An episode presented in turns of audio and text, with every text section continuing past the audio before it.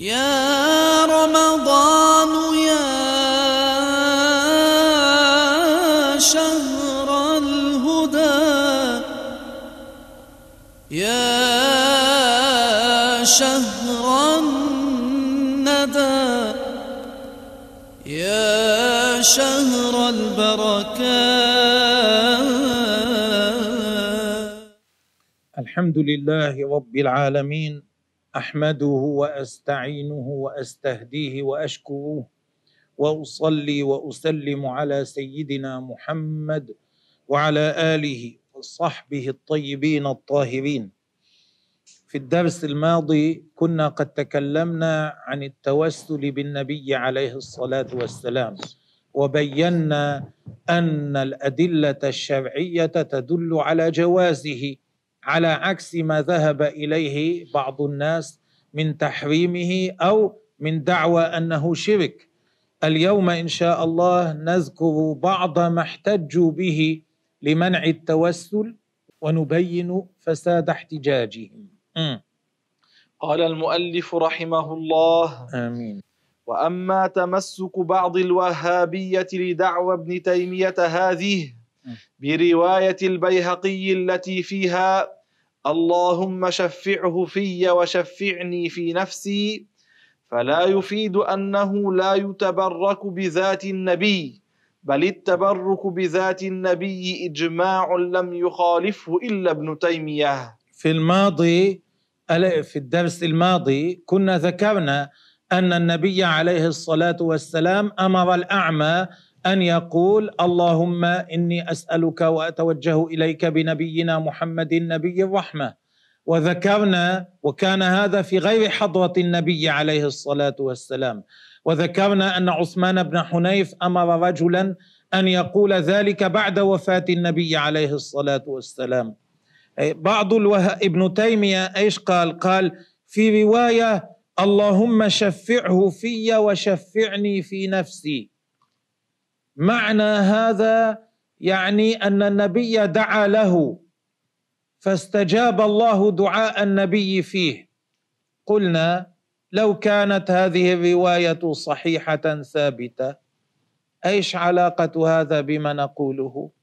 هذا لا ينفي أن النبي عليه الصلاة والسلام قال له لأن يقول ذلك الكلام. فقاله وقال اللهم شفعه في وشفعني في نفسي. يا رب استجب دعاء النبي واستجب دعائي. هل يفهم من هذا أنه لا يجوز أن يتوسل بالنبي؟ إيش علاقة هذا بهذا؟ لا يفهم من هذا ما ذكره ابن تيمية إلا إنسان لا يعرف الأصول ولا يعرف القواعد الشرعية أو يعرفها ولا يريد أن يطبقها. م. والرسول هو الذي قال فيه القائل وأبيض يستسقى الغمام بوجه و ولا سيما يبين شيخنا رحمه الله أن التوسل هو بذات النبي صلى الله عليه وسلم ليس بدعائه. الأعمى توسل بذاته. الأعمى علمه النبي عليه الصلاة والسلام أن يقول اللهم إني أسألك وأتوجه إليك بنبينا. ما قال بدعاء نبينا؟ قال بنبينا. وإذا دعا له النبي عليه الصلاة والسلام هذا لا يدل على أن التوسل كان بالدعاء بدعاء النبي. إيش علاقة هذا بهذا؟ كيف يدل هذا على هذا؟ كيف يخرج الحديث عن ظاهره ليقال المقصود التوسل بدعاء النبي صلى الله عليه وسلم؟ على كل حال دعاء النبي ليس حيا ولم يكن عند هذا الأعمى. فكيف يقولون لا يجوز التوسل إلا بالحي الحاضر؟ الله يرحمنا. كيف والنبي عليه الصلاة والسلام هو الذي قال فيه القائل إيش؟ وأبيض يستسقى الغمام بوجهه ثمال اليتامى عصمة للأرامل. آه، وأبيض يستسقى الغمام بوجهه بوجهه بوجهه أي بذاته. ما قال بعمله ما قال بدعائه. يستسقى الغمام بوجهه. نعم. أورده البخاري. نعم صحيح. ثمال اليتامى. غوث لليتامى. عصمة للأرامل. ملجأ للأرامل. هكذا وصف النبي عليه الصلاة والسلام. فكيف يقول لا يجوز حرام الاستغاثة به؟ حرام التوسل به. امضي. وأما توسل عمر بالعباس بعد موت النبي صلى الله عليه وسلم فليس لأن الرسول قد مات. أيضا هؤلاء ماذا يقولون؟ يقولون عندما توسل عمر عندما دعا عمر طالبا للسقيا من الله توسل بالعباس. ما توسل بالنبي؟ قالوا والنبي عليه الصلاة والسلام أفضل من العباس. لماذا ترك عمر التوسل بالنبي وتوسل بالعباس؟ لأن النبي مات. ولا يجوز التوسل إلا بالحي الحاضر. لذلك ما توسل عمر بالنبي إنما توسل بالعباس. لولا لو كان يجوز التوسل بالميت ما ترك عمر الأفضل. الذي هو رسول الله وانتقل إلى العباس. هكذا يقولون. والرد عليهم من ناحيتين. الناحية الأولى أنه لو كان كما تقولون كان عمر توسل بنفسه لأنه هو أفضل من العباس. كان توسل بعثمان لأنه أفضل من العباس. كان توسل بعلي لأنه أفضل من العباس. كان توسل بطلحة بالزبير كل هؤلاء أفضل من العباس. اذا لم يترك التوسل بالنبي وتوسل بالعباس لأنه يبحث عن الأفضل. ليس صحيحا أنه لو كان يجوز التوسل بالنبي بعد موته كان توسل به وما تركه لأنه أفضل. قد ترك التوسل بعلي وهو أفضل. قد ترك التوسل بعثمان وهو أفضل. اذا ليس لأجل ذلك إنما لأنه أراد أن يتوسل بأهل البيت وأراد شيئا آخر هو عمر أوضحه. عمر هو نفسه بين لماذا توسل بالعباس. عمر قال النبي عليه الصلاة والسلام كان يعامل العباس كما يعامل الولد ولده. لأنه كان عمه. فاقتدوا به أيها الناس في عمه العباس. أظهروا التبجيل للعباس كما كان يظهره النبي واتخذوه وسيلة إلى الله. لأجل هذا عمر توسل بالعباس. تبجيلا للعباس. حتى يبجل العباس كما كان يبجله النبي عليه الصلاة والسلام كما كان يوقره هو بين ذلك. فكيف يقال كيف يقول قائل بعد هذا إنه توسل به لأن النبي مات؟ هم أدرى بقصد عمر أو هو أدرى بقصده؟ لا شك أن عمر رضي الله عنه أدرى بمقصده من هؤلاء. فتبين أنهم حرفوا الحديث حتى يوافق بزعمهم هواهم. بل كان لأجل رعاية حق قرابته من النبي صلى الله عليه وسلم. ها هذا الذي قلناه مراعاة لقرابته من النبي عليه الصلاة والسلام ولما كان النبي وللتعظيم الذي كان النبي عليه الصلاة والسلام آه، يعظم العباس به. بدليل قول العباس حين قدمه عمر اللهم إن القوم توجهوا بي إليك لمكاني من نبيك. انظر توجهوا بي إليك لمكاني من نبيك أي لرتبتي عند نبيك لمكانتي عند نبيك لأن المكان يكون بمعنى المكانة أيضا. مم. فتبين بطلان رأي ابن تيمية. ما قال إن القوم توجهوا بي إليك لأن النبي قد مات. بل لمكاني من نبيك. فكأن التوسل في الحقيقة هو بالنبي عليه الصلاة والسلام. مم. فتبين بطلان رأي ابن تيمية ومن نعم. تبعه من منكر التوسل. هكذا. روى هذا الأثر الزبير بن بكار كما قال الحافظ ابن حجر. الحافظ ابن حجر قال روى هذا الأثر الزبير بن بكام رحمهما الله. مم. ويستأنس له أيضا بما رواه الحاكم. أيضا مما يدل على ذلك يشير إلى ذلك ما رواه الحاكم في المستدرك. مم.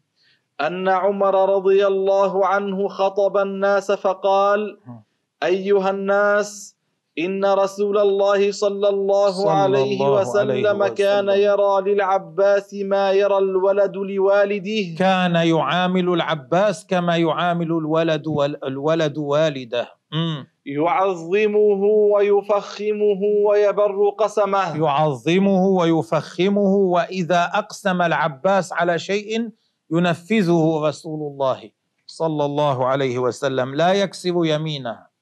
فاقتدوا أيها الناس برسول الله صلى الله عليه وسلم في عمه العباس. عظموا العباس كما كان يعظمه نبي الله عليه الصلاة والسلام. مم. واتخذوه وسيلة إلى آه الله. كيف؟ اتخذوه وسيلة إلى الله فيما نزل بكم.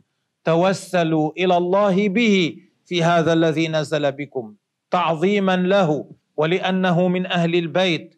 ولمكانته عند النبي عليه الصلاة والسلام.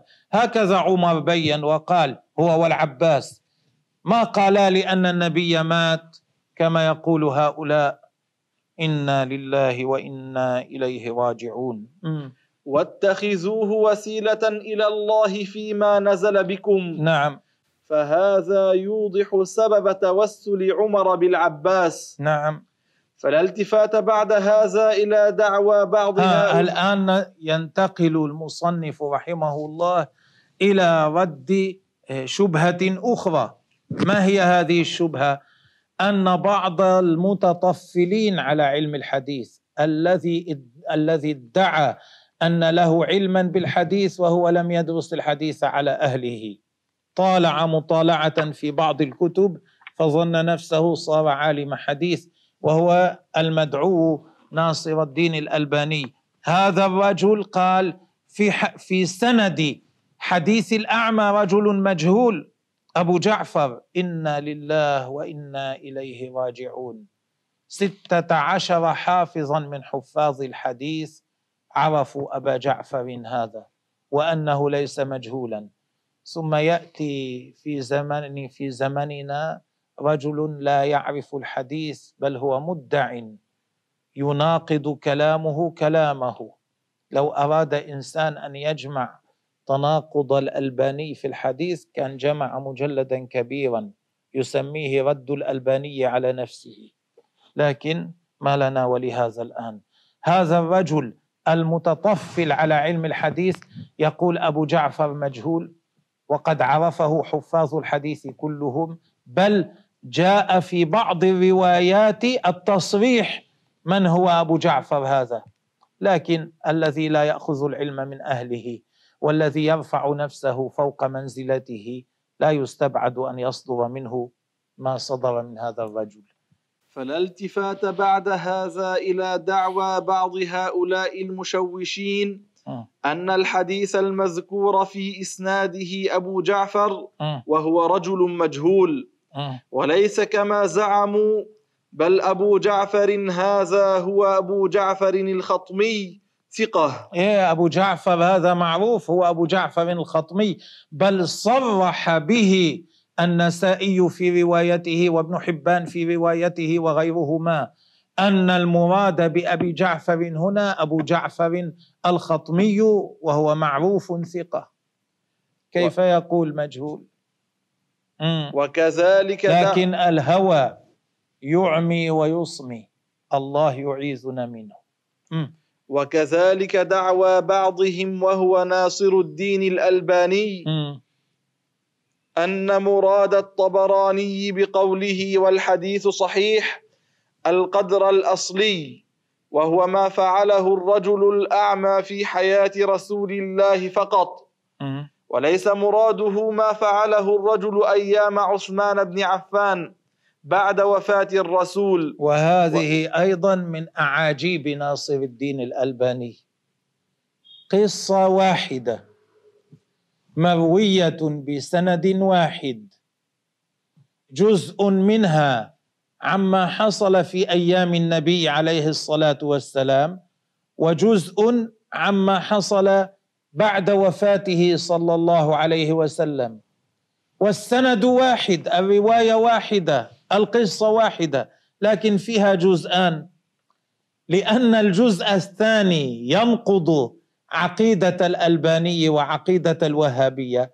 قال الألباني الطبراني روى هذه القصة وقال والحديث صحيح قصده الجزء الأول أما الجزء الثاني غير صحيح. لا إله إلا الله. كيف يكون تكون القصة واحدة؟ مروية بإسناد واحد ويكون جزءها الأول صحيحا والثاني غير صحيح. ما سبق الألباني إلى هذا أحد من علماء الحديث؟ ابدا. صحح إسناد الجزء الأول الإسناد نفسه صحيح أي للجزء الأول. أما للجزء الثاني فهو غير صحيح. إنا لله وإنا إليه راجعون. ثم إيش قال؟ قال بإيش استدل؟ قال لأنه قال الحديث صحيح. والحديث يطلق على ما قاله النبي أو فعله. لا يطلق على ما قاله الصحابي أو فعله. وهذا أيضا باطل. لأن العلماء يقولون الحديث عما فعله النبي عليه الصلاة والسلام وما فعله الصحابي وقاله يسمونه حديثا أيضا. لذا وما فعله التابعي يسمونه حديثا. لذلك يقولون حديث مرفوع وحديث موقوف. موقوف يعني من قول النبي الصحابي أو فعله. وحديث مقطوع يعني من قول التابعي أو فعله. ويسمون كل واحد حديثا بل صرحوا بهذا تصريحا لكن هذا الرجل لأنه يتبع هواه لأنه يتبع هواه تعامى عما قاله هؤلاء العلماء أو لم يعرفه لأنه لم يدرس العلم على أهله إنما طالع مطالعة في بعض الكتب. نعم. وهذا مردود لأن م. علماء المصطلح قالوا م. الحديث يطلق على المرفوع إلى النبي والموقوف على الصحابة إيه قالوا هذا يقال عنه حديث وهذا يقال عنه حديث كلاهما يقال عنه حديث فلا حجة له اذا ليس للألباني دليل فيما قال إلا الهوى م. أي أن كلام الرسول يسمى حديثا صلى الله عليه وسلم. وقول الصحابي يسمى حديثا. نعم. وليس لفظ الحديث مقصورا على كلام النبي فقط صلى الله عليه وسلم. وهذا المموه كلامه لا يوافق المقرر في علم المصطلح. يخالف ما قاله علماء الحديث في علم المصطلح. كلامه يخالف كلامهم. ليس على منهج علماء الإسلام. شاذ.